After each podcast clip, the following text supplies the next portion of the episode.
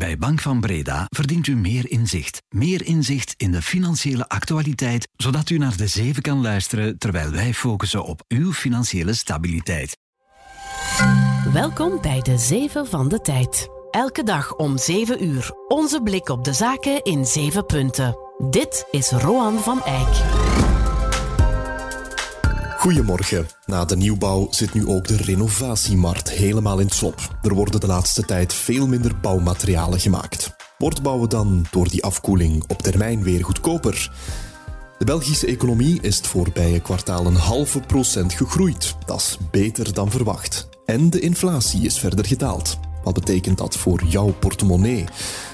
En er komen nog altijd meer superuitstoters bij dan er verdwijnen. Het wordt zo heel moeilijk om nog klimaatneutraal te worden tegen 2050. Dat blijkt uit onderzoek waaraan de tijd heeft meegewerkt. Het is dinsdag 31 oktober. Happy Halloween en welkom. De zeven van de tijd. 1. Er hangen donkere wolken boven de Belgische renovatiemarkt. De laatste maanden worden er opvallend minder bouwmaterialen geproduceerd. Bedrijven die bouwmaterialen maken zitten nu gemiddeld op net geen 75% van hun totale capaciteit. Alleen op het dieptepunt van de coronapandemie in april 2020 waren die cijfers nog slechter. Dat de nieuwbouwmarkt het moeilijk heeft, was al langer duidelijk, maar ook de renovatiemarkt zwakt nu dus af. Wat is er aan de hand? Jens Kardinaals, goedemorgen. Goedemorgen, Rowan. Redacteur ondernemen bij de tijd. Uh, even terug naar de basis. Waarom heeft de bouwsector het in zijn geheel nu zo moeilijk? Ja, bouwen is eigenlijk heel wat duurder geworden de afgelopen jaren. Uh, als we kijken naar de evolutie van de prijzen van de bouwmaterialen, die zijn sinds corona eigenlijk enorm gestegen naar uh, ongekende Mm -hmm. En anderzijds is het ook veel duurder geworden om een hypothecaire lening te nemen, aangezien dat die rentes gestegen zijn van 1 naar 3,5 procent. Uh, dus dat weerhoudt veel mensen om inderdaad te gaan bouwen en, en soms ook te gaan verbouwen. Ja, en dat nieuwbouw daaronder leidt, wisten we al, maar nu gaan de alarmbellen dus ook af in de renovatiesector. Ja, als we spreken met uh, mensen die actief zijn in de renovatiemarkt, dan zeggen zij dat op dit moment de bestellingen of de aanvragen min of meer op peil zijn. Maar er zijn toch een aantal zorgwekkende signalen die stilaan ook uit die sector komen. Uh, zo geeft 46% van de bedrijven die uh, private huizen renoveren aan dat zij verwachten dat volgend jaar eigenlijk een slechter jaar wordt dan dit jaar. Hmm. En we zien ook dat er eigenlijk sinds de zomer minder vergunningen voor renovaties zijn uitgedeeld. En ook de banken hebben eigenlijk de voorbije maanden ongeveer een derde minder kredieten verleend aan renovatieprojecten. Dus ook in die sector zie je dat stilaan er toch een vertraging optreedt. Ja, en dan zijn er ook nog die bouwmateriaalproducenten die een kwart onder capaciteit zitten. Wat betekent die afkoeling voor de prijzen, Jens? Wordt uh, bouwen en verbouwen dan opnieuw goedkoper? Allicht zal bouwen nog wel een tijdje duurder zijn dan het uh, in de voorbije jaren was. De rente op kredieten gaat niet zomaar terug naar de historisch lage rentes van een aantal jaar geleden. Wat bouwmaterialen betreft is het nog een beetje koffiedik kijken, maar daar zien we wel dat er een einde gekomen is aan de stijging van de bouwmateriaalprijzen. er is sprake van een stabilisering en zelfs een lichte daling in de voorbije maanden. een aantal producten zijn uh, fors goedkoper geworden. Uh, onder andere hout is een voorbeeld. Mm -hmm. Maar we horen toch ook wel in de sector dat we niet te veel moeten rekenen op een spectaculaire daling. Want een aantal elementen in de ketting van uh, de productie van bouwmaterialen is toch fundamenteel duur en zal niet zomaar goedkoper worden. Denk bijvoorbeeld aan de kosten voor energie of de kosten voor de lonen van de mensen die die bouwmaterialen vervaardigen. Oké, okay, zal dus nog even duren voordat dat allemaal doorcijpelt in de prijzen. Dankjewel Jens. Graag gedaan. Calls for a ceasefire are calls for Israel to surrender to Hamas, to surrender to terrorism, to surrender to barbarism. That will not happen. Ladies and gentlemen, the Bible says that there is a time for peace and a time for war. This is a time for war. Duidelijke taal van Israëlisch premier Benjamin Netanyahu gisteren. In een persconferentie zei hij dat er geen staakt het vuren komt, omdat Israël zich dan zou overgeven aan de terreur van Hamas. Netanyahu citeerde ook de Bijbel om de oorlog tegen Hamas te rechtvaardigen. Verder zei hij dat er bij elke legitieme oorlog onopzettelijke slachtoffers vallen. Maar internationaal klinkt er wel steeds meer kritiek op die vele burgerslachtoffers. Die zijn stilaan ontelbaar sinds Israël zijn grondoffensief in Gaza is begonnen. De Verenigde Staten blijven duidelijk hun rol spelen als Israëls trouwste bondgenoot. Ook Washington vindt het niet het moment voor een staakt het vuren. Gisteravond zei een woordvoerder van het Witte Huis dat alleen Hamas daarvan zou profiteren. Amerika is wel voorstander van humanitaire pauzes om burgerslachtoffers te helpen. Intussen vragen de Verenigde Naties dat er een tweede grensovergang naar de Gaza-strook opengaat voor humanitaire hulp. Nu verzamelen de vrachtwagens alleen bij Rafah aan de grens met Egypte, maar dat volstaat volgens de VN niet om de vele Palestijnen in nood te helpen. Gisteren hebben we twee belangrijke cijferupdates voor België gekregen over de inflatie en de economische groei. De Belgische economie is het voorbije kwartaal een halve procent gegroeid. Dat is beter dan verwacht. De inflatie is dan weer sterk gedaald. Het leven was de voorbije maand 0,36 procent duurder dan exact een jaar geleden. In september lag dat cijfer nog op 2,4 procent. Dat is vooral dankzij de energieprijzen. Die zijn flink gedaald. Voeding blijft wel nog duurder worden. We gaan dieper in op de cijfers met Wouter Vervenne. Goedemorgen. Goedemorgen. Collega van de Marktredactie van De Tijd. De Belgische economie groeit dus een halve procent. Dat is verrassend goed. Hoe komt dat? Dat is inderdaad verrassend, want de grote banken hadden ja, een groei van 0,1 of 0,2 procent eh, voorspeld. En ja, de belangrijkste reden, denk ik, is dat de koopkracht van de gezinnen dit jaar sterk toeneemt door de automatische loonindexering. En natuurlijk, als gezinnen hun, ja, hun koopkracht zien stijgen, kunnen ze ook meer geld uitgeven, meer consumeren. En dat, ja, dat ondersteunt de economische groei in België. Ja, nog uh, even verder over de automatische loonindexering, Wouter. Want de inflatie is in oktober sterk gedaald. Wat betekent dat dan voor onze lonen? Um, dat verschilt een beetje van sector tot sector. Bijvoorbeeld de speelindex um, voor het openbare ambt en de sociale uitkeringen is overschreden. Dat betekent dat de sociale uitkeringen in de maand november met 2% stijgen en de lonen van de ambtenaren in de maand december. Mm -hmm. Voor de lonen in de privésector, ja, er zijn nogal wat uh, loontrekkenden, bedienden die één keer per jaar in januari een indexering krijgen. En voor hen zal natuurlijk de indexering in januari 2024 veel kleiner zijn dan wat ze januari van dit jaar hebben gekregen. Ja, men verwacht dat cijfer is nog niet definitief, hangt af van de inflatiecijfers van november en december. Maar het ziet er naar uit ja, dat zij ongeveer anderhalf procent loonsindexering gaan krijgen in vergelijking met, ja, met de forse 11 procent van dit jaar. Dus dat is toch wel een pak minder. Oké, we hebben het uh, hier ook al vaak gehad over de loonkostenhandicap, hè, Wouter. Het uh, probleem dat de loonkosten van Belgische bedrijven hoger zijn dan de buurlanden. Verdwijnt die handicap nu? Eh, de loonkostenhandicap blijft, maar hij zal wel een stukje kleiner zijn dan een jaar geleden werd gedacht. Men vergelijkt eigenlijk de loonkostenevolutie sinds 1996, dat is het basisjaar. En de Centrale Raad voor het Bedrijfsleven die heeft een nieuwe raming gemaakt en die verwacht nu dat de loonkostenhandicap ten opzichte van de drie buurlanden, dus Duitsland, Frankrijk en Nederland, dat die eind volgend jaar nog 1,7 procent zal zijn. En een jaar geleden verwachtte diezelfde instelling dat er eind volgend jaar een handicap zou zijn van 4,6 dus een kleinere handicap, maar wel nog altijd een handicap. Dankjewel, Wouter Vervenne. Graag gedaan. 4.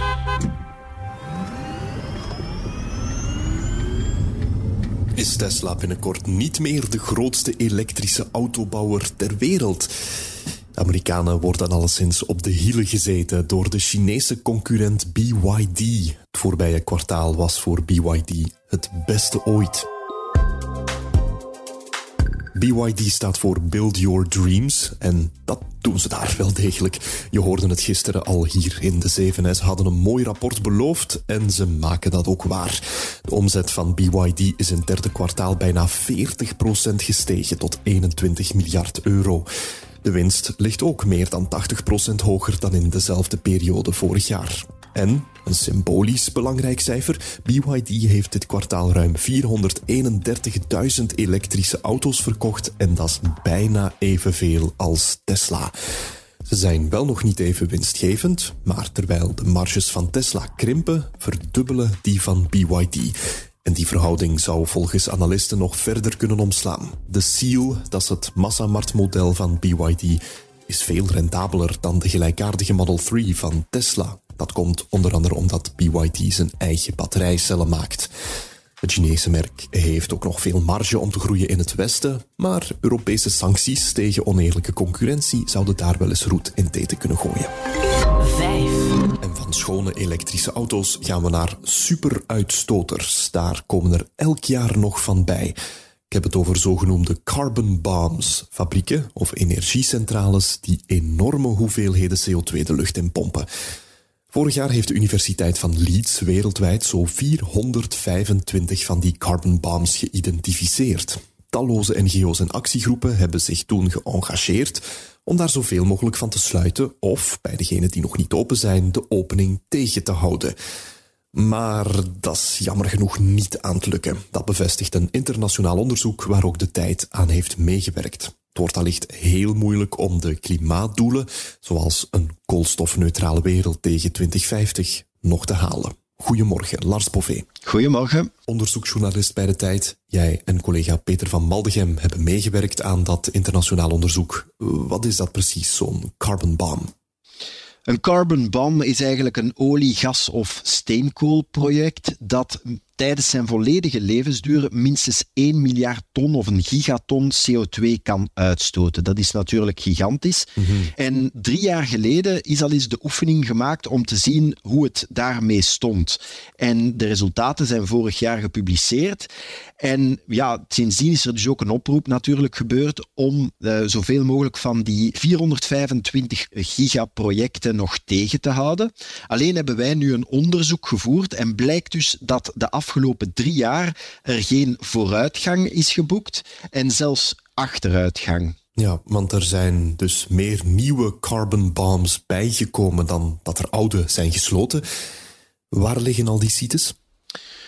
Wel, het grootste aantal, een derde van alle carbon bombs, bevinden zich in China. 264, dus meer dan de helft van die 425 carbon bombs in de wereld, bevinden zich in Azië. En dan hebben we het natuurlijk ook over het Midden-Oosten. Ja. En de uitstoot daar wordt geschat op bijna 700 gigaton CO2 of ruim drie keer meer dan de 44 klimaatbommen in Noord-Amerika. Gewoon om een idee te geven van de uitdaging die er daar juist is. Ja, want er zijn dus wel van die carbon bombs in Amerika en Europa, maar het zwaartepunt ligt in Azië. Geen goed nieuws allemaal, helaas. En uh, ja, misschien naïef van mij, maar ik ga er toch vanuit dat daar iets aan gedaan wordt, zodat we de klimaatdoelen van 2050 toch nog halen.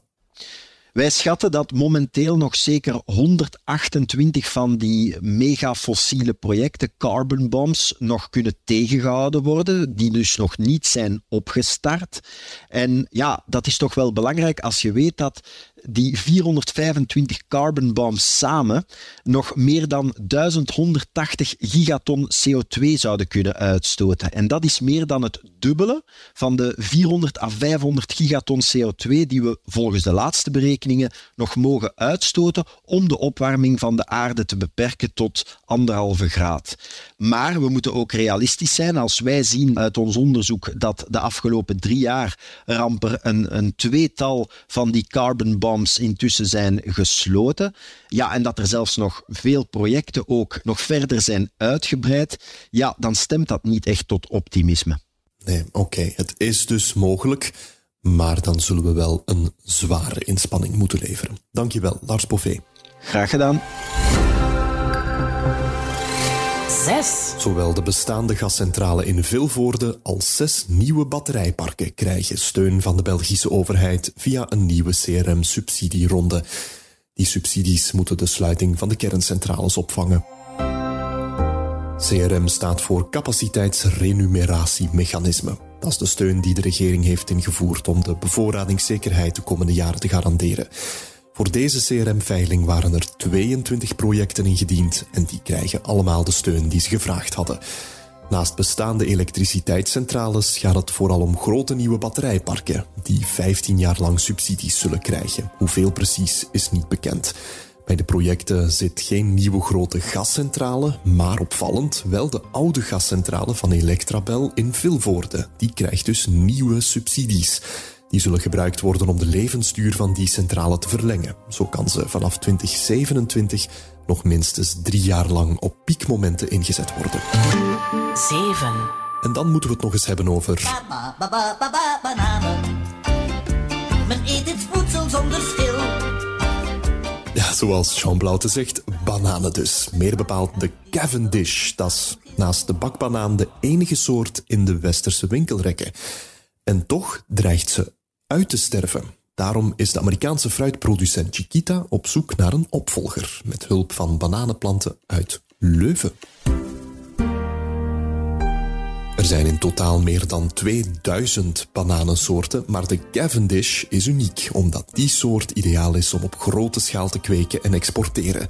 De Cavendish-plant produceert veel bananen die het transport per boot, dat vaak wekenlang duurt, kunnen overleven. En nadien kunnen ze hier ook makkelijk rijpen in speciale rijpingskamers. Maar toch zal die Cavendish vroeg of laat uitsterven door een hardnekkige plantenziekte, TR4. Die breidt stilaan uit naar alle landen die bananen telen. En omdat er geen enkele andere soort zoals de Cavendish bestaat, is Chiquita een opvolger aan het ontwikkelen. Daarvoor werken ze samen met de Nederlandse Universiteit van Wageningen en met de KU Leuven. Die heeft de grootste bananenplantencollectie ter wereld met stekjes van 1700 verschillende soorten. Bedrijven en onderzoekers kunnen die stekjes bestellen om ermee te experimenteren. Dat doet ook Chiquita dus. Het bedrijf verwacht dat er over minder dan acht jaar nieuwe bananensoorten in de winkel zullen liggen. Tot zover onze Halloween-aflevering. Gelukkig zaten er buiten de carbon bombs niet te veel enge dingen in. Morgen Allerheiligen, dan gaan we er met de zeven ook een dagje tussenuit. Met Allerzielen zijn we terug. Tot overmorgen dus. Dit was De Zeven met Roan van Eyck. Productie door Lara Droesaert van op de redactie van De Tijd. Bedankt om te luisteren. Overmorgen zijn we er weer. Tot dan.